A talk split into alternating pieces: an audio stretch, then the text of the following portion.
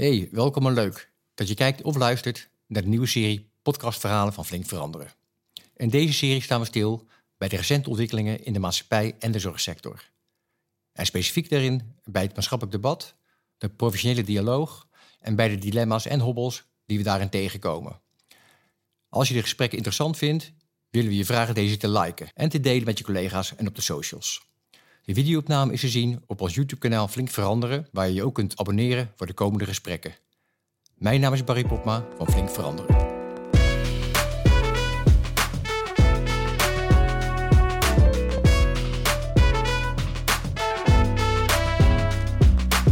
Bob, welkom dat je er bent. En uh, nou, voor de luisteraars en de kijkers die we sinds kort hebben, uh, ga ik je even voorstellen. Je bent uh, schrijver van een boek onder andere een boek dat heette Strategy and International Perspective. Ja, dat is een uh, academisch boek, hè? Dat, uh, ja. ja, zeker. Uh, je bent oprichter van de Strategy Works en de Strategy Academy. Nou ja, en de meeste mensen kennen je waarschijnlijk als professor strategisch leiderschap aan Nijrode. En nou ja, dit boek, en zometeen komt u nog zeker goed in beeld, hè, Society 4.0. ja, ik heb het met veel aandacht en interesse gelezen. Dus daar gaan we het vandaag met name over hebben. Uh, ik heb een aantal perspectieven uitgehaald die mij uh, vanuit mijn gezondheidswerk, uh, werken in de gezondheidszorg, uh, triggeren als, veranderaar en leiding geven aan veranderingen van bedrijven en maatschappij. Dus nou, ik ga je verleiden tot, tot mooie uitspraken en tot diepe inzichten. Ja. Ehm, nou, in je boek beschrijf je acht ja, kernuitgangspunten, zoals ik even benoemd, om te gaan bouwen aan een meer burger, burgergestuurde uh, samenleving. En voor mij zijn er een paar onderwerpen die ik uh, nou, wel gaaf vond om uh, nu met je te bespreken. En dat is het, woord autonomie. Hè? hoe krijg je autonomie weer terug bij de burger? hoe maak je gebruik van de wisdom of the crowd? En welke technologie en techniek is daarbij bij in te zetten? Nou, je bent vrij duidelijk over het ontbreken van bepaalde cruciale feedbacksystemen en in relatie tot governance. En wat ik een, uh, ook een, inspirerende vind, is het regionaal organiseren. En wat je kunt doen. Hè, want zijn als, ja, als, als strategisch, academisch, visionair, zo te zeggen. Hè, zo noem je jezelf, geloof ik. En dat ben je ook. Dan heb je geleerd om een blik in de toekomst te, werpen. En dat doordacht en doorgrond te, doen. Um, ja, dat klinkt dan soms ver weg. Um, maar je brengt het ook heel praktisch dichtbij. Nou, daar wil ik graag vandaag met je over spreken, als je het goed vindt. Leuk. Um, maar eerst even een algemene vraag, eh, Bob. Um, uh, in welke mate heb je het idee dat uh, corona um, eigenlijk het afgelopen jaar, misschien wel langer, de gespreksarena gedomineerd heeft? Als we kijken naar mentaal welzijn, geestelijk welzijn, onderwijs. nou, hoe, kijk je ernaar? Nou, nou, mijn verhaal van het boek uh, uh, begon eigenlijk al een aantal jaren geleden. Eigenlijk al uh, pakweg een jaar of acht, negen geleden. Mijn vak, hè, uh, dat is, doe ik in de wetenschap, maar ook in de praktijk, is de toekomst begrijpen. Dat, dat, dat probeer ik zoveel mogelijk te doen. Dat doe ik al heel lang, meer dan 30 jaar.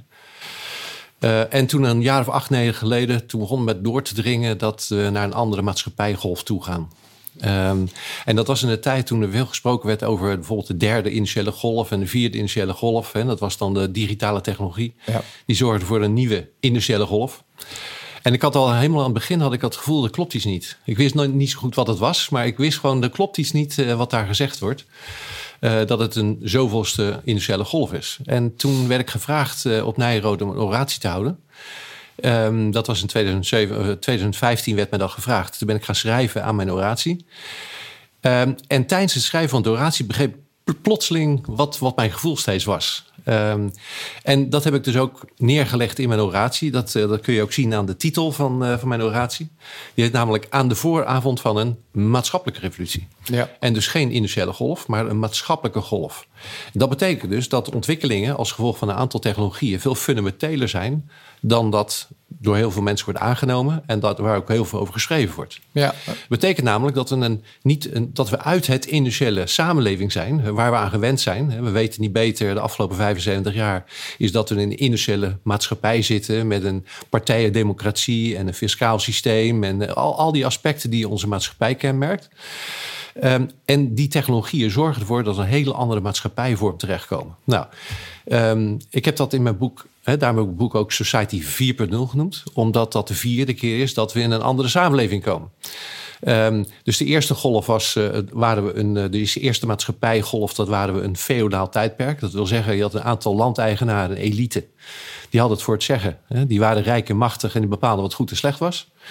Uh, en als je gewoon volk was, en dat was voor 99% van de mensen, had je niks te zeggen en je was gewoon arm.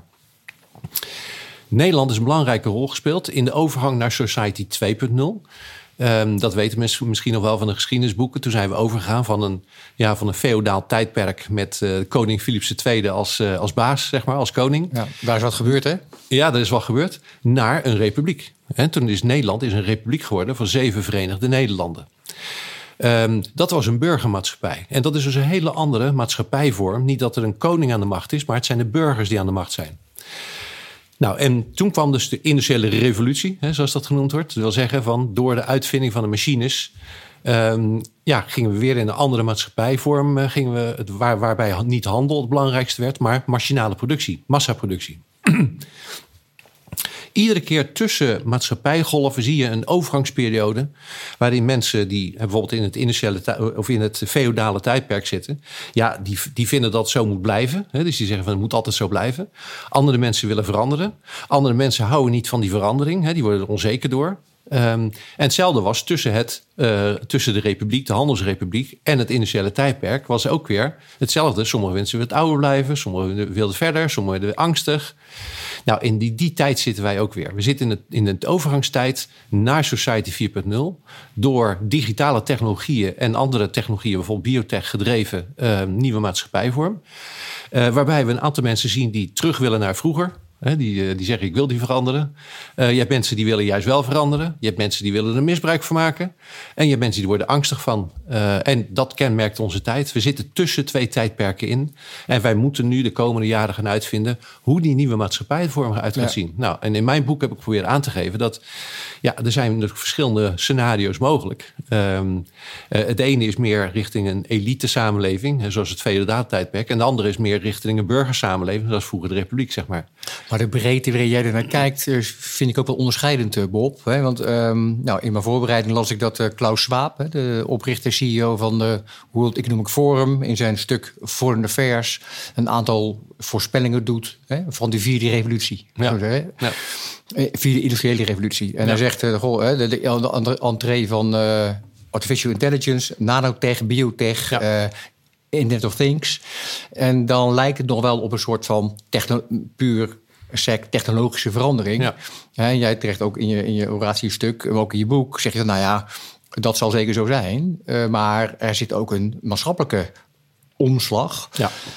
Um, nou, en je zegt het ook. Uh, de, de, ik, ik, denk overigens dat Schwab daar ook wel een bedoeling mee heeft. Want ik ben natuurlijk wel met hem eens dat die, die technologieën zoals kunstmatige intelligentie, en blockchain, en biotech en, uh, en industry platforms en nog heel veel andere technologieën en big data en zo. Dat dient een doel. Die, die zijn er, dat is een ontwikkeling. Uh, maar zijn, um, zijn statement dat het een vierde industriële golf is, dat de maatschappij niet verandert. Um, ja, er zit wel een doelstelling achter. Ja, kom er zo vast er zo ja. nog even over te ja. spreken. Um, wat ik zelf wel een mooi woord vind, wat ik er al een tijdje tegenkom, is uh, uh, een social tipping point. Mm -hmm. Van, goh, uh, is er een soort gevoel, een sentiment in de maatschappij waar mensen denken van, goh, hey, zou het inderdaad kunnen zijn dat we niet alleen maar naar technologische, industriële omslag gaan, maar dat er iets in de maatschappij aan het veranderen gaat. En ja. dat lijkt een soort van beurs te zijn die wat luider klinkt. Ja. Hoe, herken, herken je dat? Ja, je ziet dat steeds meer mensen die voelen wel aan dat het veel fundamenteler is. Wat ik natuurlijk in 2017 al had. Ik, ik, ik, ik voelde het aankomen. Hè? Dus ik had er onderzoek naar gedaan. En ik had een oratie uitgesproken. En ik wist gewoon op enig moment gaat er een maatschappijverandering plaatsvinden. Dat gaat een keer gebeuren. Um, maar ik wist alleen niet wanneer. Maar wist je dat omdat je uh, naar de geschiedenis kijkend wist... Goh, ja. er zijn altijd van dat soort momenten. Ja. En ja, we staan nu aan de voorraad van zo'n nieuw moment. Ja, ja, dat, dat was eigenlijk het onderzoek. Dat, uh, dat ik, ik, wist gewoon dat dat eraan zat te komen. In 2017 heb ik dat uitgesproken. Nou, toen ik daar presentaties over gaf en, uh, en podcast, zeiden mensen van nou, het klinkt wel aardig, maar ik moet toch zien, want ik zie geen verandering. Nou, en, en toen in begin 2020, toen was er dus die corona, hè, uh, intelligente lockdown. Uh, toen was gelijk mijn hypothese, nou, dit zou wel eens het begin kunnen zijn van wat ik al een paar jaar voorspel. Namelijk dat we andere maatschappijgolven ingaan. Toen heb ik met mijn collega op Nijrode veel eh, onderzoek gedaan naar corona. Uh, met name de mortaliteit. Mhm. uh, dat was in de tijd dat de WHO, de World Health Organization, zei van nou, we hebben eens gekeken in Wuhan en Bergamo. En ja, wij verwachten dat de mortaliteit 3,4% is. Nou, dat zou een A-virus zijn, een, mm een killervirus. Uh, dat ben ik gaan berekenen. Samen met een collega van mij die heel goed kan rekenen. Of een four ice principle heet dat in de wetenschap. Wij kwamen niet verder dan 0,23 procent. Toen dacht ik van nou, dat, dat, dat is zo'n groot verschil. Dat, dat is iets aan de hand. Want die mensen kunnen best wel rekenen. Ja, dat riep hier wel een vraagteken bij je En, en dat dacht ik van nou, dit zou, dat zou wel eens begin kunnen zijn van, uh, van die, uh, um, uh, van die ma nieuwe maatschappijgolf. Um, nou ja, en, en sinds die tijd ja, ik heb er nog één keer een corona-jaarverslag gemaakt. Uh, en ik kwam niet verder dan 0,23 procent. Dus er is helemaal geen levensgevaarlijk virus. Die is er gewoon niet. Um, dus toen dacht ik wel, wat is het dan wel? Nou, dat is waarschijnlijk die maatschappelijke crisis. Nou, dat relateert aan, uh, aan dat boek. En toen ben ik op die manier ik, uh, meer gaan, gaan publiceren. En ook uh, in allerlei podcasts. En, en ook bij Blackbox en zo veel interviews afgegeven. En zo, ja. en zo langzamerhand beginnen steeds meer mensen te beseffen dat er toch iets anders aan de hand is. Toen in het begin waren mensen nog in de angst. Het zou wel eens heel erg kunnen zijn. Nou, ja, omdat ik het verwachtte, had ik gewoon een voorsprong van acht jaar. Zo moet je het een beetje zien. Ja. Ik ben niet slimmer of zo, maar ik, ik heb gewoon een voorsprong van acht jaar. Dus ik vermoedde dit al. Ik zag dit aankomen. En ik herken het ook meteen. En daardoor ben ik ook meteen erover gaan publiceren en podcast en, en allerlei interviews wezen weggeven. En uh, zo is het een beetje gaan, uh, gaan rollen. Ja, en, dat, en, toen heb ik het boek afgerond. Ja. Dat is je overigens, we komen ook zo meteen nog even op terug, maar niet altijd uh, door iedereen in dank afgenomen, Bob. Als het gaat over censuur en ruimte om te spreken en nou, welk tegengeluid mag er zijn. Ja, ja. want dat, dat vind ik persoonlijk altijd een punt van, goh, uh, hoeveel ruimte laat je elkaar om uh, andere ideeën te hebben. Zonder, zonder dat dat leidt tot polariseren. Zonder dat het leidt tot ja. uh, zeggen dat de ander het niet goed doet. Maar goh, waar is de ruimte en nieuwsgierigheid in het academisch veld om... Ja. Hoe lang mag je nog samen kijken? Hè? Ja.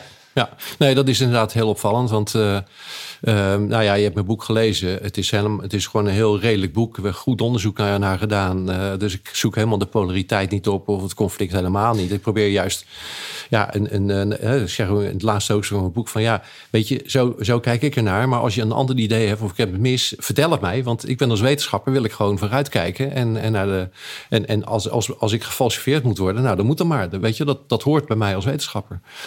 Maar je zal heel snel dat toen, toen ik dat boek publiceerde en daar dingen over zei, ja, ik werd enorm gecensureerd. Hè? Um, uh, de publieke media werd ik al helemaal niet uitgenodigd. Um, uh, op LinkedIn heb ik uh, gepubliceerd eigenlijk alleen maar wetenschappelijk onderzoek. Hè, wat ik, uh, nou, ik werd, ik werd eraf gegooid. Ja. daarna werd ik weer opgezet, werd ik weer afgegooid. Ik ben er nu vijf keer ben ik, ben ik verwijderd. En dat is niet omdat ik een conflictueel verhaal heb, maar omdat een aantal partijen die willen de waarheid, die willen niet dat de waarheid verteld wordt. En, en dat is natuurlijk heel zorgelijk voor deze tijd. Ja, in ieder geval, um, um, stel dat we blijven nog een beetje in het middenstuk zitten. De, het, het primaat op de waarheid heeft niemand, zou je kunnen zeggen. Maar nee uh, in ieder geval een ander geluid wat er mag zijn. om mensen, wij spreken, te prikkelen, aan het denken te zetten. of nou, en alles wat, wat, wat, wat daarbij hoort. Ja, ja. En, en ik denk, ik, ik heb in mijn boek ook twee mogelijke toekomstige scenario's geschetst. Hè? Dus als ja. je een aantal ontwikkelingen ziet, dan zou het meer een elite samenleving toe gaan. En een andere mogelijkheid is meer weer een burgersamenleving toe gaan. Dat heb ik dan twee verschillende ja, scenario's, zou je kunnen zeggen. Dus twee mogelijkheden van een toekomstige samenleving. Uh, eigenlijk om het, om het gesprek aan te gaan. Hè. Willen we dit? Uh, beter mee eens of zo? Uh, maar ja, juist dit redelijke geluid mocht niet gehoord worden. Ja. En dat is natuurlijk wel opvallend. Hè? Dat, ja. dat, betekent dus dat een aantal partijen hebben hele andere ideeën. Ik vond in ieder geval, um, um, uh, toen ik het boek las, uh, er zit geen oordeel in. Nee. Uh, ik vond het vrij feitelijk en daar kun je van alles van vinden. Je, je, je, kan, je, je kan je aanstaan of niet, maar dat is, dat is dan een keuze. Maar dus, dat, dus ik vond dat een, nou, dat vond ik mooi om dat zo te lezen. Um, Even naar een paar van die key issues, hè, zoals jij je beschrijft. Ja. En wat ik ook wel een mooie vond, is nou, de verdeling van inkomens. Ja. En de relatie ook met uh, gezondheidszorg en uh, de ontwikkeling van de maatschappij. Gezondheid is algemeenheid. Hè? Precies. Ja. Uh, nou, ik las dat je ook in je boek de, een Freeman-studie had aangehaald. Ja. Hè, die eigenlijk zegt: Goh, ongelijkheid, een bepaalde mate van ongelijkheid is goed voor groei. Ja. Maar tot op zekere hoogte. Ja. En, nou, en daarna gaat het de verkeerde kant op. En hij beschrijft ook het, het just right ongelijkheid. Ja. Ehm, het is natuurlijk een open deur dat ongelijkheid leidt tot sociale ongelijkheid en maatschappelijke en gezondheidsongelijkheid. Ja. Ehm, nou, het is natuurlijk een vraagstuk waar, waar economen al heel lang, uh, al eeuwenlang mee worstelen. een zekere ongelijkheid is goed, want het stimuleert om te gaan werken. Als, als, eh, kijk ze bijvoorbeeld in het communisme, wat iedereen het gelijk, uh, gelijk is en hetzelfde verdient. Ja, er is geen enkele prikkel om te presteren. Dus dat, dat werkt dan niet zo goed. Hè? Dus je moet iets van ongelijkheid hebben. Hè? Dus just right Uh, dus net een beetje ongelijkheid, waardoor mensen een prikkel krijgen om, uh, ja, om, om zeg, het beste uit zichzelf te kunnen halen. Maar als de afstand te groot is, als de ongelijkheid te groot is, ja, dat is ook weer niet goed. Dus het is net een balans tussen wat nou precies genoeg uh, ongelijk is. En eigenlijk is vanaf de jaren 70 is dat zeg maar overschreden. Hè? Vanaf de jaren 70 is de ongelijkheid tussen de rijken en zeg maar de, de bevolking is te groot geworden. Dus de, de afstand is te groot geworden. Ja. En, en als hallmark, hè, eh, als, als belangrijk punt, is het artikel geweest van Friedman. Um, uh, die ging, die ging er eigenlijk over dat uh, het enige doel van aandeelhouders is om veel, zoveel mogelijk geld te verdienen. Ja. Nou, hiervoor was het zo namelijk, hè, dat, uh, dat heette dan shareholder capitalism. Maar daarvoor hadden we wat wij noemen stakeholder capitalism. Dat wil zeggen dat als jij als aandeelhouder veel geld verdient, hè, of, of je bent machtig of je bent rijk, dan heb je een soort maatschappelijke verantwoordelijkheid om iets terug te geven aan de maatschappij. Dat is overigens iets wat, wat nog kwam uit de Republiek. Hè. Dat uh, als je regent was, hè, je, dan moest je ook wel iets teruggeven aan de maatschappij. Als je rijk was, dan moest je iets teruggeven aan de maatschappij. Hè. Dus, een, dus het geld was niet een een, een doel op zich, maar was een onderdeel van een maatschappelijk systeem. En nou, vanaf... op, want dat, je zegt moeten, was dat dan moeten omdat iemand dat zei? Of was dat moeten omdat het uh, correspondeerde met publieke waardes?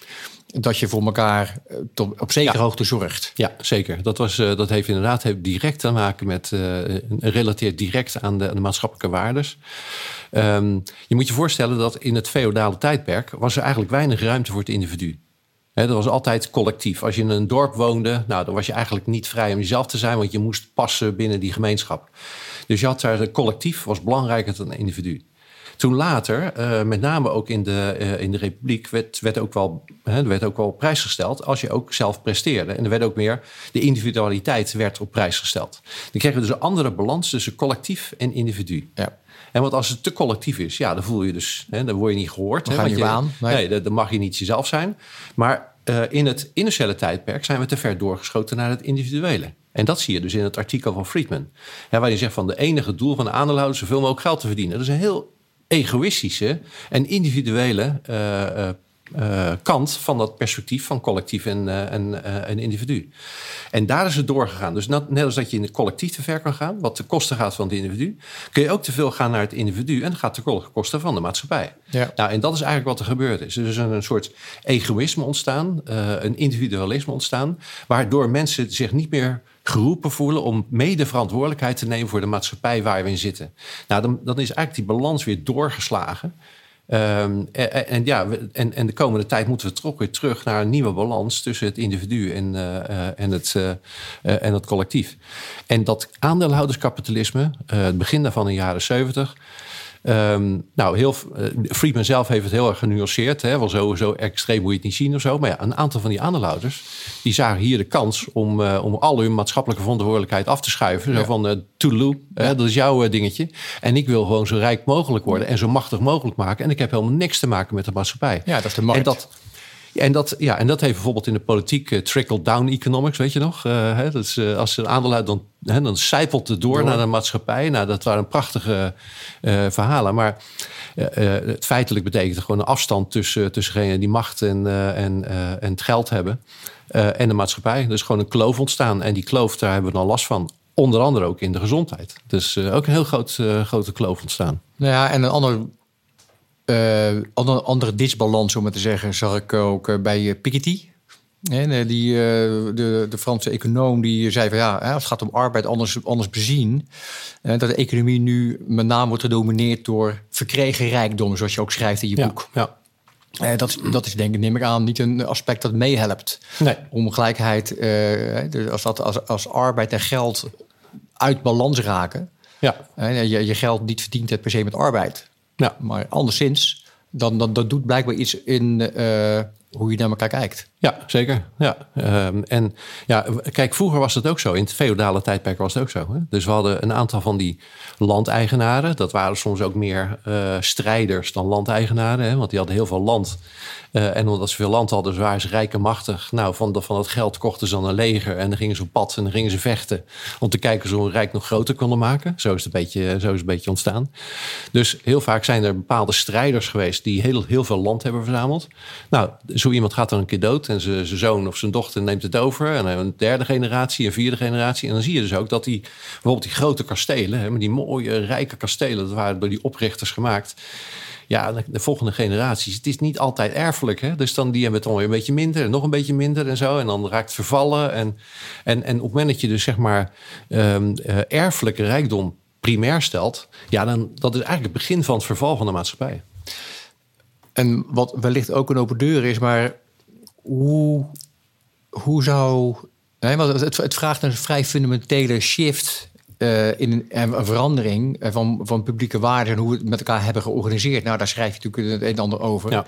Ja. Um, ja, en gezondheidszorg is natuurlijk uh, ook een grote markt, om zo maar te zeggen. Ja. He, maar daar, daar is natuurlijk wel het een en ander in, in te doen. Ja. Die, die, die fundamentele systeemwijziging, mm -hmm. uh, dat klinkt op papier uh, makkelijk.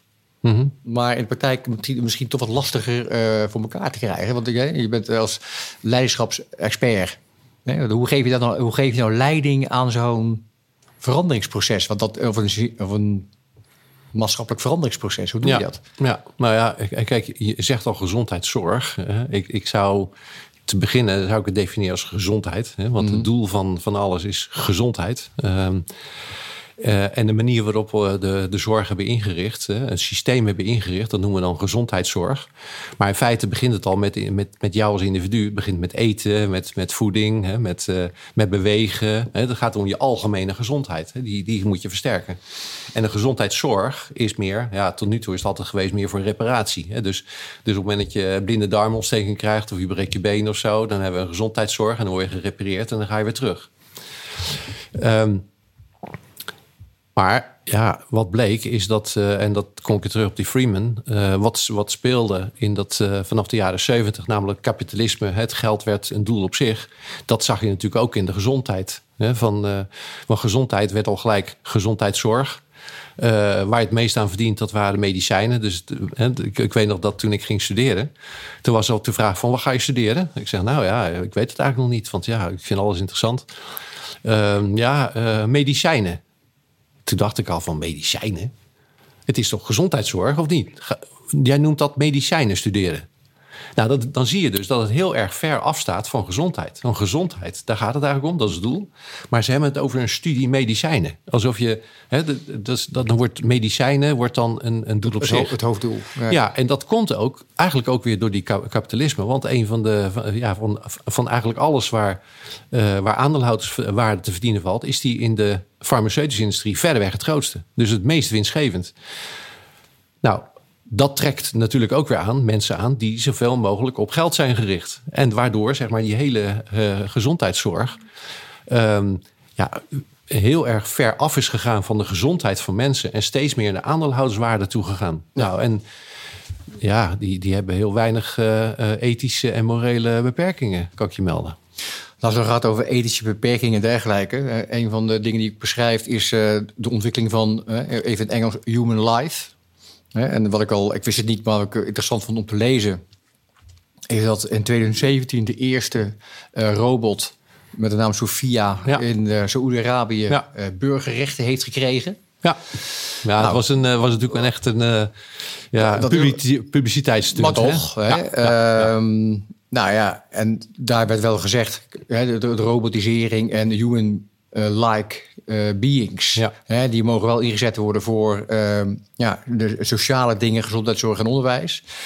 Um, ja, dat is wel een, uh, voor een deel een angstaanjagend beeld. Zeker. Hè, van, goh, Zeker. Uh, is dat inderdaad een kant waar we opgaan? Elon Musk die daar nog dingen ook in uh, onderneemt de afgelopen periode. En um, ja, als je niet uitkijkt, dan bezie je dat als een hele grote bedreiging voor, voor, voor ons als mens. Uh, waar liggen jou weer de kansen? De kansen om, een, om technologie in te zetten voor een eerlijker ja. socialer, ja. Uh, kloppender maatschappij. Hoe kun je daar iets over zeggen? Nou, dat is, dat is een heel belangrijk onderwerp. Want um, kijk, technologie op zich is neutraal. Ja, ja dat doet Technologie is neutraal. Of het nou een mes is, of een auto, of een tank of zo. Het, ik bedoel, of kunstmatige intelligentie. Technologie uh, zelf is neutraal. Het is maar net wat we ermee doen. Hè? Hetzelfde met een mes. Je kunt er brood mee snijden en je kunt iemand doodsnijden. Hè? Dat, dat, zijn, dat doe je met hetzelfde mes. En dat is hier ook zo. Een van de, van de belangrijkste technologische ontwikkelingen is die van kunstmatige intelligentie. Waarom is dat zo belangrijk? Je gaat dus een intelligentie maken die slimmer wordt dan de mens. Je moet je goed realiseren, waarom zijn er 7,5 miljard eh, mensen op aarde? Niet omdat wij de sterkste zijn, niet omdat het hardste kunnen lopen, niet omdat het beste kunnen zwemmen, omdat we het slimste zijn. Dus we hebben bezit genomen van deze aarde vanwege het feit dat wij intelligenter zijn dan alle andere dieren. Nou, die intelligentie, um, die wordt nu door kunstmatige intelligentie um, uh, onder druk gezet. Het is nu al zo dat kunstmatige intelligentie, die kan al bijna hetzelfde als de mens. Het gaat niet alleen maar om rekenkracht en, en, uh, en geheugen en zo, maar het gaat eigenlijk om de integrale intelligentie van de mens. Dat noemen ze human level of intelligence. Dus eigenlijk wat wij kunnen, dan gaat die technologie steeds meer kunnen. Het is al bijna zover dat kunstmatige intelligentie in de integrale zin van het woord de mens voorbij gaat.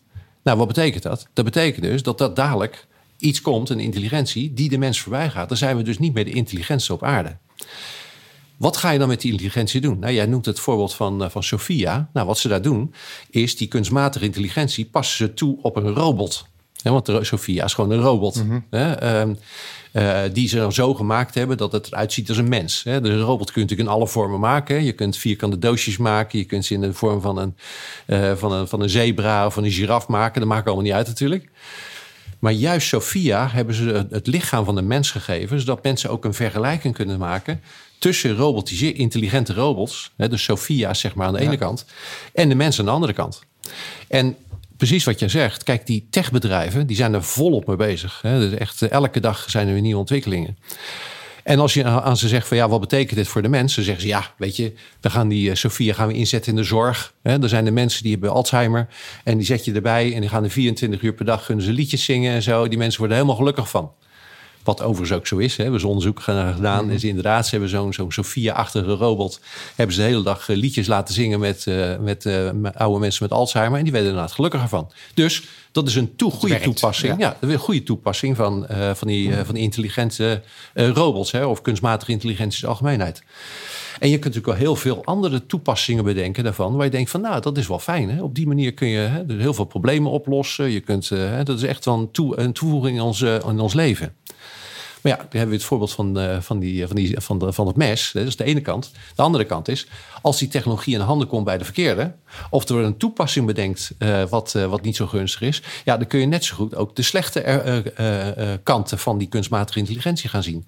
Nou, en dat is beide, eigenlijk beide waar.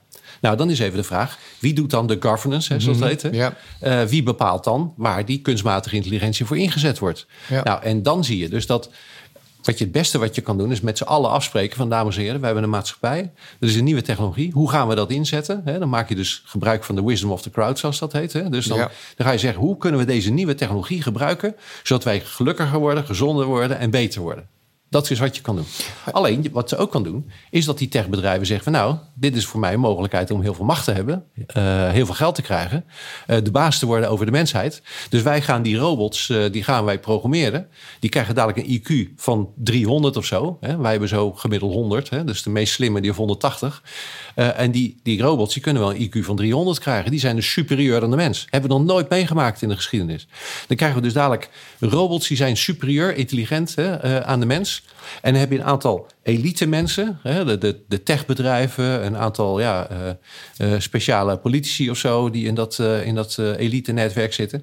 En die gaan dan die robots gebruiken voor hun eigen doelstellingen. Nou, dan snap je natuurlijk wel dat ja, je hoeft maar één fout ertussen hebben zitten en die gaan hem inzetten om het volk te onderdrukken. Of, uh, ik bedoel, ja. daar, heb je niet veel fantasie voor nodig om te kijken wat je allemaal voor slechte dingen ermee kan doen. Maar dat raakt voor mij wat je, wat je beschrijft ook, ja, Daar zitten we dus middenin. Als het gaat over die feedback loop, ja. Van goh, hè, de, wat is het democratisch gehalte van besluitvorming op, op gremia waar we als burger uh, en kiezer eigenlijk geen toegang toe hebben. Nee, nee, nee. En dat is natuurlijk een, een, een aspect wat ook weer bij, hoort bij deze, bij deze tijd. Dat is dat we hebben in het industriële tijdperk, die dus achter ons ligt, hebben we een vorm van democratie ontwikkeld. dat wil zeggen, je hebt een aantal leiders die maken besluiten. Maar als ze, als ze besluiten nemen die mensen niet bevallen, dan kunnen ze naar de, stembus en zeggen van nou, we willen het een beetje anders. He, dus een feedback systeem, een democratisch feedback systeem, om de besluiten van een aantal leiders te corrigeren. Mm maar als je nu kijkt waar de grote vraagstukken liggen en waar de grote besluiten worden genomen, is niet in Nederland. Als je kijkt naar gezondheid, nou, dat speelt niet in Nederland. Als je kijkt naar het milieu, dat speelt niet in Nederland. Uh, plastic soep speelt niet in Nederland. Dus steeds meer vraagstukken die zitten op wereldschaal en niet meer op nationaal niveau. En op wereldschaal is er geen democratie. De Verenigde Naties zijn geen democratie. Europa is geen democratie. Grote techbedrijven zijn geen democratie. En voor de, voor de luisteraars en kijkers, uh, het is geen democratie omdat ze benoemd worden, maar niet gekozen worden. Ja, die, die, die benoemen elkaar dus er is helemaal. Ja, jij kunt niet stemmen op. Uh, ja, je gaat een keer stemmen op een bepaalde partij. En daarna moet je maar zien wat er gebeurt, nietwaar? Dus die mensen die in Europa zitten. Uh, dat zijn geen democratie. De Verenigde Naties, die, die, die, die kiezen zichzelf. Uh, de WHO, de World Health Organization. Daar is niemand die erop stemt. niemand die daar feedback op kan geven. World Economic Forum die is er niet. Als je weet dat uh, het aantal NGO's, non-governmental organizations, dus internationale organisaties die met publieke vraagstukken bezighouden, uh, afgelopen 100 jaar is gegroeid van 400 naar 40.000. Ja, dus in de afgelopen 100 jaar zijn er bijna 40.000 uh, op wereldschaal opererende publieke organisaties ontwikkeld. Dat zijn geen democratieën en die nemen allemaal besluiten over ons publieke domein. Ja, en daarmee zeg je, die zitten aan tafel. Die hebben een plek aan tafel uh, op een niet gekozen wijze. Nee. En dat zijn vast allemaal uh, slimme, intelligente mensen. Maar het, systeem is, uh, er is geen nee. feedbackmechanisme is geen feedback. dat je kan bijsturen. Nee. Dat, is, dat, is, het punt wat je daar ja. Ja. mee maakt. Nou ja, en dan, dan, kun je natuurlijk voorstellen... als daar mensen zitten die niet gekozen zijn... en waar geen feedback op zit... mensen met te veel geld en te veel macht... ja, daar kunnen heel veel mensen... sommige mensen kunnen wel tegen, maar heel veel mensen kunnen niet tegen. Ja, en geef die mensen dus die technologie in handen. Nou, dan hoef je niet veel fantasie te hebben volgens mij om te zien dat, uh, dat het ook heel verkeerd gebruikt uh, kan gaan worden.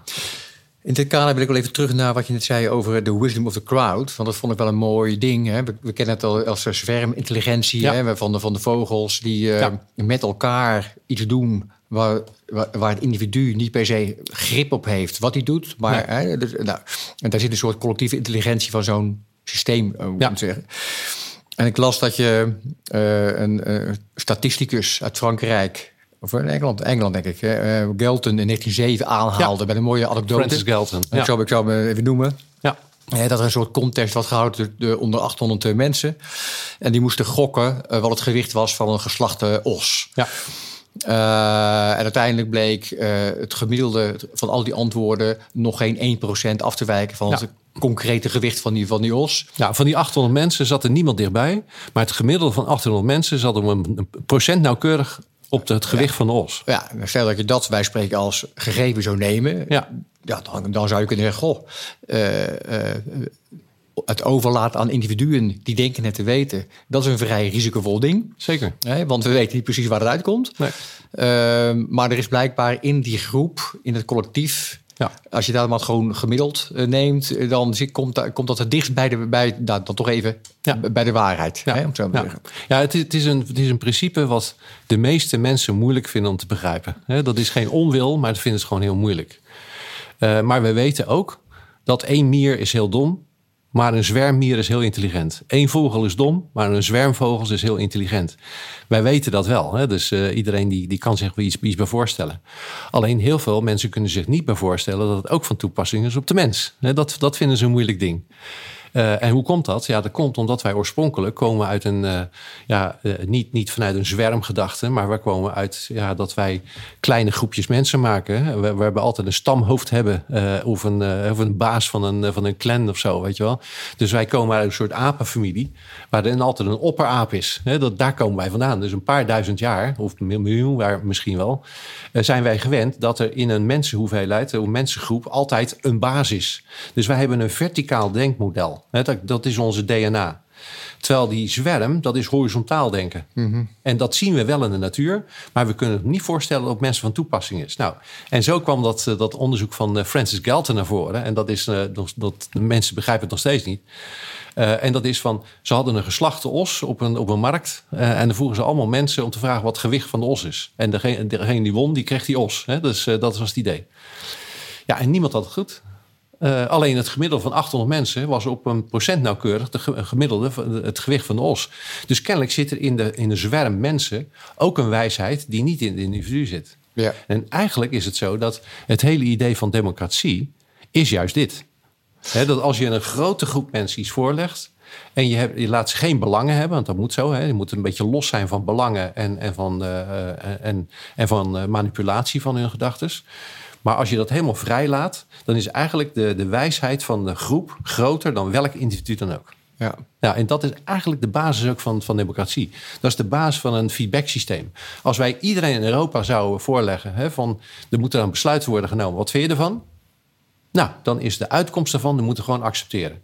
En dan zeggen die leiders altijd van ja, maar dat vind ik niet. Dat vind ik stom eh, of wat dan ook. Hè? Dus, eh, nou, en, en in sommige landen zie je ook dat dat ook wel toegepast wordt. Ehm, Maar een referendum is een soort van ja, hè, manier om, Ja. dat, eh, om, Ja. om dat in te kleden. En dat vind ik nog wel eens eng. ja, Komt het dan even wellicht omdat wij het fenomeen, intelli- fenomeen intelligentie overschatten? ja. Want dan zou je misschien kunnen denken: goh, ja, als wij 800 man op een marktplaats zetten, dan is het misschien wel fijn als dat 800, 800 intelligente mensen zijn. Want dan is de kans groter dat er een intelligent besluit genomen wordt. Ja, maar goed, dan kom ik terug naar die mieren. Die mieren zijn allemaal dom hoor. En, en het gedrag van een zwerm is heel intelligent. Maar dat komt ook inderdaad door, door onze achtergrond. Wij komen uit een eh, roede. Hè? Wij, eh, wij hebben een opperaap. Dat is waar wij in geloven. Dus wij kunnen, we snappen ook helemaal niet dat 800 domme mensen slimmer zijn dan de slimste in die, eh, van die 800. Dat, wij, wij snappen dat principe niet. Maar daar komt het wel op neer. En, je ziet een aantal landen waar het wel eh, wordt toegepast. Ehm, eh, bijvoorbeeld in Zwitserland. Hè, daar hebben ze al heel lang een referendumsysteem. Dan zeggen ze eigenlijk van nou, we stemmen op een bepaalde politicus hè, of een aantal politici. Nou, die komen aan de macht te zitten. Maar het volk mag op elk moment, als zij iets besluiten waar het volk niet mee eens is, iedereen mag een re- referendum invoeren. En dan moeten ze het nog een keer gaan uitleggen. En dan is het een bindend. Hè, als de groep zegt van nou, wij vinden een slecht idee, we willen iets anders. Dan moeten die politici luisteren naar, naar dat volk. En dit is nou een hele goede toepassing van de wisdom of the crowd. Ja. Ja, alleen heel veel politici die willen dit niet. Hè, nog even los van dat heel veel mensen het moeilijk vinden om te begrijpen. Ja, waar, waarom word je politicus? Ja, je wil graag macht hebben en, en besluiten kunnen nemen. En het laatste waar je op zit te wachten is dat, eh, dat daarna het volk zegt van nou, dat vinden we geen goed idee. Dus, Nee. eh, dus het, het is ook nog een keer bij de verkeerde doelgroep. eh. Ja, en als we dan kijken naar eh, intelligentie, wijsheid, hè, dat zijn toch ook nog even twee verschillende dingen, denk ik. Ja. En de wijsheid, intelligentie van de, van de crowd. En je benoemt ook in je boek van, goh, hè, kijk, er is niets mis met besturen. En, er is, eh, en governance moeten we goed met elkaar organiseren. Ja. Ehm, maar eh, ja, dat is de vraag die ik had toen, toen ik het las. Maar wie dan? Hè? En, en jij noemt ehm, de ho- honorable humans. Ja, Hè, eerbare burgers, zo noem ik Ja. ze maar eventjes. Ja. Het is iemand die, ehm, ja, dat, of iemanden die, waarvan wij zeggen, goh, nou, die hebben het goed gedaan. Die verdienen het om. Ja. eh, maar ja, dat is ook best een lastig concept. Want eh, wie bepaalt dan eh, wie honorable is?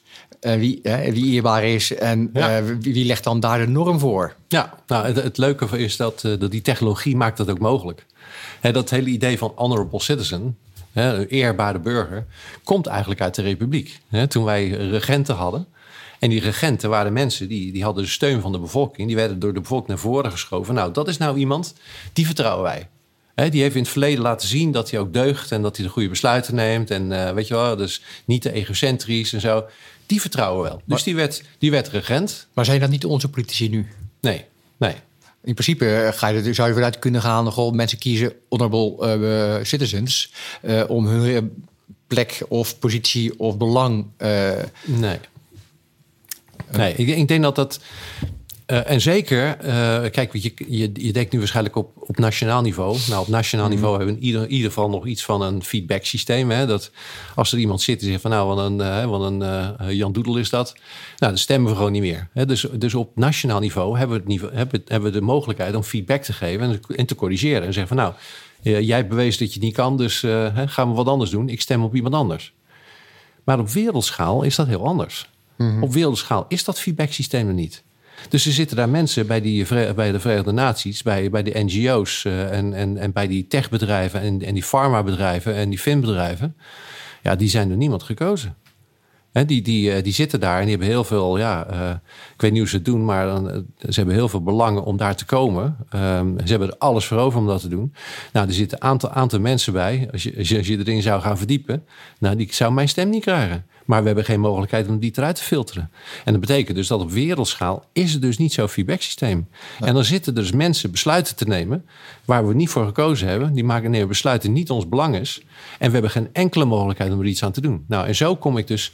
Uh, en kijk, enerzijds aangeven wat het, wat het is en wat het niet moet zijn, dat is makkelijk. Hè? Mm -hmm. Dat kun je analyseren en een beetje nadenken. Nou, dat kunnen we wel. Maar vervolgens na te denken, hoe dan wel? Dat is natuurlijk veel moeilijker. Hè? Dus als je zegt van op wereldschaal is er een feedback systeem, oké. Maar wat dan wel? Hè? Dat is dan, en daar heb ik natuurlijk heel veel over nagedacht. Hoe moet je dat nou eigenlijk doen? Nou, en het, het idee van die honorable citizens, uh, dat komt eigenlijk nog uit de tijd van de Republiek. Hè, waarin mensen zeggen van nou, alleen maar, je moet echt, hè, als je ons wil vertegenwoordigen, moet je dat verdienen. Dan moet je laten zien dat je in het verleden dingen hebt gedaan, keuzes hebt gemaakt, waardoor ik vind, nou, nou ik vertrouw jou wel. Jij mag namens ons, mag je daar de besluiten gaan nemen. Ja. en het, het, grote voordeel van, en vroeger kon dat, was dat heel moeilijk. Maar tegenwoordig kan dat wel. Met die technologieën kun je dat wel doen. Als, als, je, uh, als je zegt van nou, uh, ik, ik stel voor dat ik honorable citizen ben. Hè? Stel dat je zegt van nou, ik wil wel hè, namens jullie gaan optreden. Oké. Nou, dan gaan we eens even uh, kijken wat je zo gedaan hebt in het verleden. Wat voor keuze je hebt gemaakt en zo. dus met blockchain technologie en kunstmatige intelligentie kun je dat soort gegevens heel makkelijk boven tafel krijgen. Ja, maar dan, dan krijg je, mag onderbreken Bob, dan wordt die honorable citizen, die komt van onderop. Nee, dat is, dat is, die komt vanuit hier.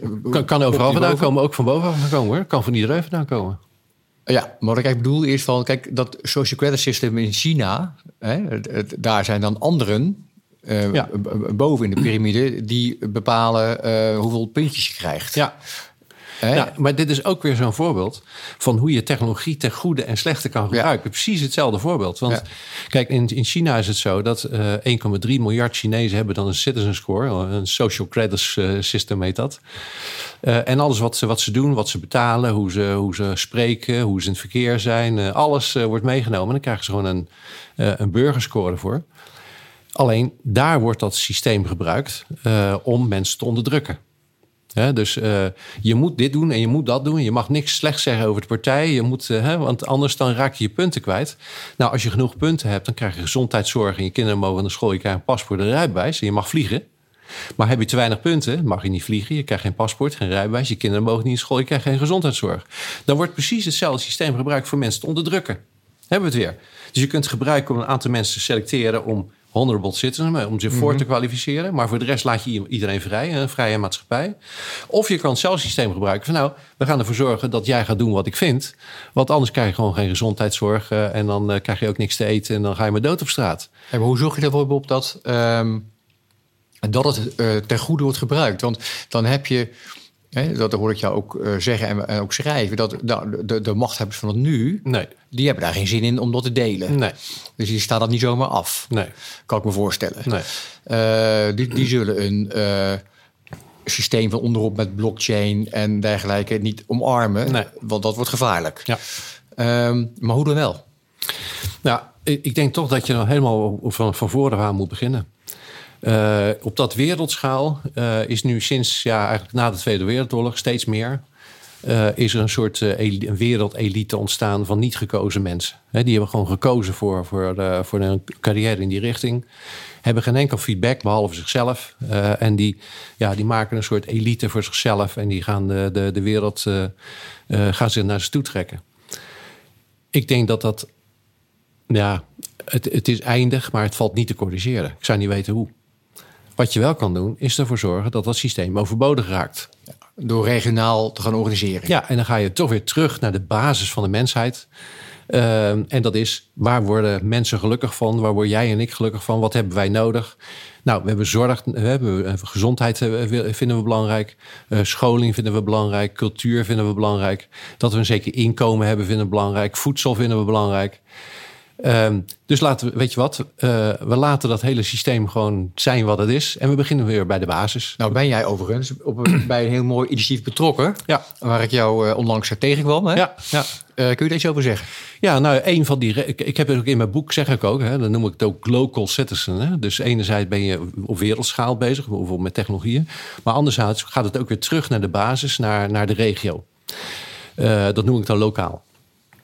En mijn boek heeft heel veel uh, mensen geïnspireerd om dat lokale initiatief op te pakken. Die, die, zagen, die herkenden dat, hè, wat ik zei. Want die, die merkte al dat het steeds meer regionaal ging worden of lokaal ging worden. En die herkennen dat. En die hebben contact met me opgenomen. Zeiden van nou, ik heb dat gelezen in je boek uh, over lokale initiatieven. Nou, heel toevallig. Wij wisten niet waarom, maar we zijn al een tijdje bezig met lokale initiatief. En er zijn er diverse. Mm -hmm. uh, en een van de, van, de, van de leukste vind ik is, is in het Westland. Hè, Westland, uh, en daar heb ik toen die presentatie gegeven. Ja. Um, uh, en uh, de Dag van de Vrijheid. Hè. Ik heb een nieuwe feestdag geïntroduceerd op die dag. Uh, en vanuit Westland, die zijn al heel ondernemend. Een hele ondernemende regio. Die hebben ook voedselproductie en die hebben al een eigen lokale economie. Hebben ook een eigen lokale munt. Hè. Een watermunt hebben ze gemaakt. Nou, dat gaan we nu op een blockchain zetten. En dan heb je eigenlijk alles wat je nodig hebt in een Westland kun je gewoon in die regio gaan organiseren. Behalve dan rijkswegen en zo, hè, en lucht en, en, en uh, hoe heet het, uh, vliegvelden. Maar het grootste deel, 80, 90 procent wat je nodig hebt, kun je eigenlijk op regionaal niveau gaan organiseren. Nou, dan zeg ik van. Laat het oude systeem maar gewoon afbrokkelen. Laat die maar in elkaar donderen. En begin gewoon van de basis opnieuw. En ga vanuit een regio, bijvoorbeeld in Westland, ga ervoor zorgen dat we weer terug gaan naar het collectief dat we toch weer uh, ons verantwoordelijk voelen voor die regio. Voor de opleiding van onze kinderen. Voor de gezondheid in zijn algemeenheid. Voor gezond voedsel in zijn algemeenheid. Uh, voor energievoorziening. Uh, en gaan we zoveel mogelijk een autonome regio maken. Mm -hmm. en dan heb je in ieder geval een, een goede, een mooie samenleving. Een mooie economie waar je kan bouwen. Ja, en, en als heel veel regio's dat doen. Ja, dan wordt dat oude systeem vanzelf overbodig. En dat, en dat dondert met een enorm geraas in elkaar. Ja. En, en, met heel veel tegensputteren. Die gaan het proberen om nog harder de macht naar ze toe te halen. Dat zie je bijvoorbeeld bij, uh, bij centrale banken. Ja, die zien dat er steeds meer lokale crypto's komen. Hè, lokale munten. En, en in, in zo'n regio gaan zijn, mensen. Daar zijn ze geen voorstander van. Nee, nee, daar raken ze hun macht kwijt. Dus, uh, dus wat je daar ziet, hè, bijvoorbeeld in Westland hebben ze een watermunt, maar er zijn er meer de Florijn en zo. En er zijn meer van, van, die, van, de, van, van die munten. Um, en dan zeggen ze ja, maar de uh, lokale crypto's die gaan we verbieden. Ja, want dan, we gaan steeds minder gaan we gebruik maken van de euro en de dollar en zo. Want als jij bijvoorbeeld uh, de hond uitlaat voor iemand en, en die persoon gaat voor jou op jouw oma passen of zo, weet je wel. Die zegt van nou, dat is ongeveer zoveel waard. Dan sla je dus de economie over. Sla je het bestaande systeem sla je over. Die ga je helemaal nieuw gaan. Dus je ziet dat dat, dat oude systeem, ja, die, die wordt er heel onrustig van. En je ziet dat centrale banken willen nu lokale munten gaan verbieden. Ja, waarom? het is, bedoel, die lokale munt is juist heel goed voor, voor, die, voor de coherentie in een regio. en voor het opbouwen van een nieuwe maatschappij, zoals dat zal moeten gaan gebeuren in Society 4.0. Maar gaat ten koste van hun macht. Ja, nou, wat ik mooi vind in je, je toespraak toen en in het boek, uh, Bob, ik heb het al een paar keer aangehaald, maar toch. Uh, ja, ik heb jou ervaren als een, als een positivist. Ja. Hè? Uh, waarin je ook zegt, goh, weet je, ik, ga, ik ben niet zozeer tegen. Nee. Ik, vind, ik vind er wel wat van. Nee, maar dat, dat vind ik wat anders dan ja. tegen zijn. Uh, maar laten we het, het, de goede vibe uh, omarmen. Uh, want laten we ook de mensen die het. en ik, ik, wil wegblijven van waarheid en niet-waarheid. Maar ja. um, mensen die, waar het resoneert, die het leuk vinden, die daar een geloof in hebben, die, ja. dat, kan, die daar kans in zien. Ehm, nou, laat de kansen bloeien. En als je de kans niet wil nemen, ook prima. Uh, er zit geen oordeel op, maar uh, uh, omarm het initiatief. Ja. En kijk of het bij je past. Ja. En dat vind ik persoonlijk een heel fijne manier van kijken naar veranderingen. Ja. Om, omdat het namelijk over jezelf gaat. Ja, nou, er zijn altijd twee dingen die ik over mijn boek hoor. Eén is, maar goed, dat komt natuurlijk omdat ik acht jaar voorsprong heb. Door mijn boek te lezen snap je in, in ieder geval in welke tijd we leven. Het is voor heel veel mensen uh, onzeker, um, angstig. Hè? Wat gebeurt hier allemaal? heel veel verschillende dingen die gebeuren tegelijkertijd. En eigenlijk mijn boek geeft een overzicht van dit is, dames en heren, dit is er aan de hand. En dan zie je dus dat mensen zeggen van, oh ja, uh, oh ja, nou, ja nou, het, nou het zo schrijft, ja, dat herken ik wel. Nou snap ik tenminste waar we in zitten. Dus één. Het tweede is, um, aangeven waar we in zitten is één. Uh, aangeven wat die klopt is, uh, is, is nog makkelijker. Maar wat moet het dan wel zijn? Wat gaan we doen? Ja, en, en ik heb natuurlijk vooral geprobeerd in mijn boek... om ook een hoopvol uh, toekomstbeeld te schetsen. Een visie te maken van hoe de wereld ook beter kan gaan worden. Hoe we een betere wereld kunnen gaan maken. Uh, meer in balans met de natuur. Hè? Veel meer in balans met, met, met, met gezondheid. Dus eigenlijk in een aantal issues heb ik aangegeven... dames en heren, dit is eigenlijk een, een agenda van acht punten... Als wij met z'n allen besluiten om even uit die negatieve energie te gaan zitten en diezelfde energie positief in te zetten om die achter issues te gaan maken, dan ga je dus van bottom-up ga je dus een betere en een nieuwe maatschappij maken. Nou, en die, die, die hoop.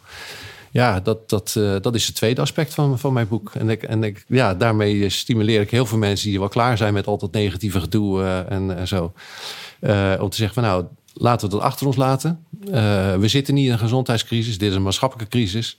Dus laten we die maatschappij gaan oppakken. Mooi. Ja, en die hoop, dat, is, dat hoor ik heel vaak. Ja. Voordat wij gaan uh, beëindigen, Bob. Uh, eerder in het gesprek, toen onderbrak ik je toen je zei Philippe II. Toen zei ik nog, god, is wat gebeurd. Eh, verlatingen. Ja. Wil je daar dat, dat is toch best een geinig verhaal. Ja, nou ja, um, wat, wat, wij, uh, wat wij Nederlanders um, uh, ons niet zo goed realiseren, uh, is dat we het eerste, of in ieder geval een van de eerste, maar misschien wel het e-, eerste land ter wereld is geweest, die gekozen heeft voor de vrijheid. Nederland is ontstaan vanwege onze hang naar vrijheid. Uh, dat was, en toen was de Spaanse koning Philip II was, zeg maar de baas van Nederland. Dat was nog een feodale tijdperk. Hè? Dus dus de koning van, van Spanje was uh, de baas van Nederland. En, uh, en, een aantal Nederlanders ja, die waren gewoon niet tevreden met hoe hij dat deed. Hè, want die, die maakten er misbruik van. En toen hebben we de akte van verlatingen getekend. En in die akte van verlating, of plakkaat van verlatingen heet dat officieel. Plakkaat van verlating was opgesteld door Hollanders. Waarin stond van, um, kijk, een vorst is aangesteld door God ja, om zijn onderdanen te beschermen. Uh, als een vorst dat die doet en hij maakt juist misbruik ervan uh, en hij gebruikt ze als, uh, als, als slaaf, um, dan heeft het volk het recht om het contract met de vorst op te zeggen. Dus wij verlaten, hè, dus, wij verlaten dat. Uh, en dan verklaren wij op dit moment, dat hebben ze ook gezegd, de akte, het plakkaat van verlatingen.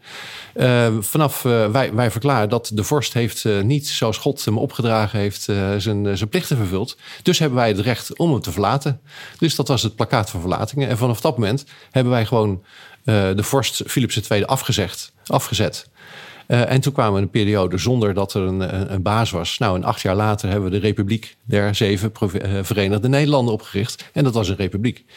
Dus wij zijn de eerste die officieel hebben uh, geformuleerd van ehm, het, is een, het is een recht die de vorst heeft. En als hij die misbruikt, dan gaan we het alleen doen. Dus wij hebben gekozen voor de vrijheid.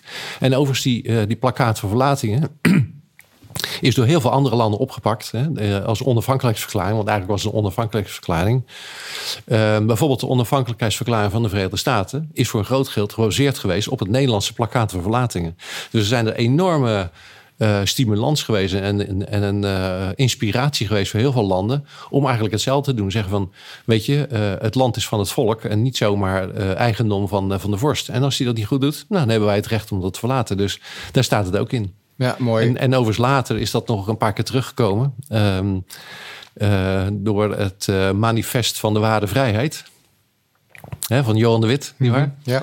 Ja. Um, en um, ja, uh, en daar hebben we gezegd van ja, wat, wat is voor ons vrijheid? Nou, dat betekent dat, dat heeft een aantal een aantal consequenties.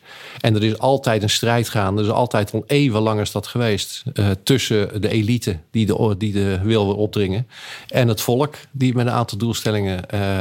En die strijd tussen de elite en het volk is een aantal keren gebeurd. In, het, in, het, in de republiek was het echt een burgerbevolking, een burgermaatschappij. In het feodale tijdperk was er echt een elitemaatschappij. Dus daar zie je ook weer die balans hè, tussen elite en volk. En dat is ook collectief en individu, weet je nog? Dus ja. zijn allemaal van die balansen. Uh, en ook hier geldt weer voor, ja, zij hebben gezegd van... er is gewoon een groot verschil in belangen van de elite en van het volk. Uh, dat was toen al zo hè, in de republiek. En dat is nu weer zo. We zitten nu ook weer in zo'n tussenfase... waarin weer wordt gezegd, voor, worden wij een elite samenleving... met een nieuwe wereldschaal? Of worden we weer een burgermaatschappij? Nou, en een van de dingen die de elite altijd doet... Uh, is angst zaaien, dwang, controle... Ja. En die technologie hebben het ook in zich. We hebben het voorbeeld gegeven van, van China. Ja, die, die technologie heeft het in zich om een soort burgerscore te maken. Dat betekent controle. Uh, je kunt mensen bang maken voor van alles. Hè. Op dit moment is het een virus waar, waar je bang mee gemaakt wordt. Maar uh, over een tijdje komen ze met het klimaat, die helemaal uit de hand gaat lopen. Nog meer controle. En daarna komen ze vast met buitenaardse wezens die nog meer. Die nog gevaarlijker zijn. Dus ze proberen echt weer met die angst. Hè, dat heeft de elite altijd gedaan. Altijd met dwang, angst en controle. Dat is de ene kant. En, ja, en wat ik dan weer geef in mijn boek, geleerd hebbende, hè, wat in de geschiedenis. Ik wil geen angst, dwang en controle. Ik wil hoop, liefde en geluk. Dat is wat ik wil. Nou, en, en dat probeer ik aan te geven. Mooi. Nou, je bent een bevlogen spreker. Um, uh, ik heb nogmaals met, met de interesse boek gelezen vanuit de optiviteit die het, die het uitstraalt. Uh, ja, mogen mensen het boek willen bestellen? Uh, je, kunt, je kunt het overal kopen, maar mocht je een gesigneerd exemplaar willen hebben, dan moet je het op mijn website eh, bestellen. Dan even bijzetten dat je een gesigneerd exemplaar wil en dan stuur ik hem zelf naar je toe. Oké, super. En dat is societyfourth.org. Dus als ze dat willen, dan moeten ze dat wel doen. Oké. Okay. Dank Bob. Uh, jij vliegt morgen naar Bonaire. Ja. veel plezier met het schrijven van een nieuw boek volgens mij daar. Ja, het vervolg eigenlijk op dit. Hè? Op, dus ja. Uh, ja. op heel veel verzoek van met name een aantal regio's die zeggen van nou, het, het interesseert mij, het, het, boeit mij, dat wil ik ook gaan doen. Uh, maar je merkt ook al dat er een behoefte bestaat om een aantal stappen te hebben wat je dan precies moet doen. Ja, en dat precies. probeer ik, uh, de ervaring van het afgelopen jaar probeer ik een beetje uh, op te schrijven, zowel in het Nederlands als in het Engels, om ja, regio's een soort handreiking te geven of een soort handboek te geven van nou, als je dit gaat doen, dan kun je een autonome, gelukkige regio met gezonde en gelukkige mensen maken. Mooi perspectief, hoopvol ja. en nou, nogmaals dank. Graag gedaan.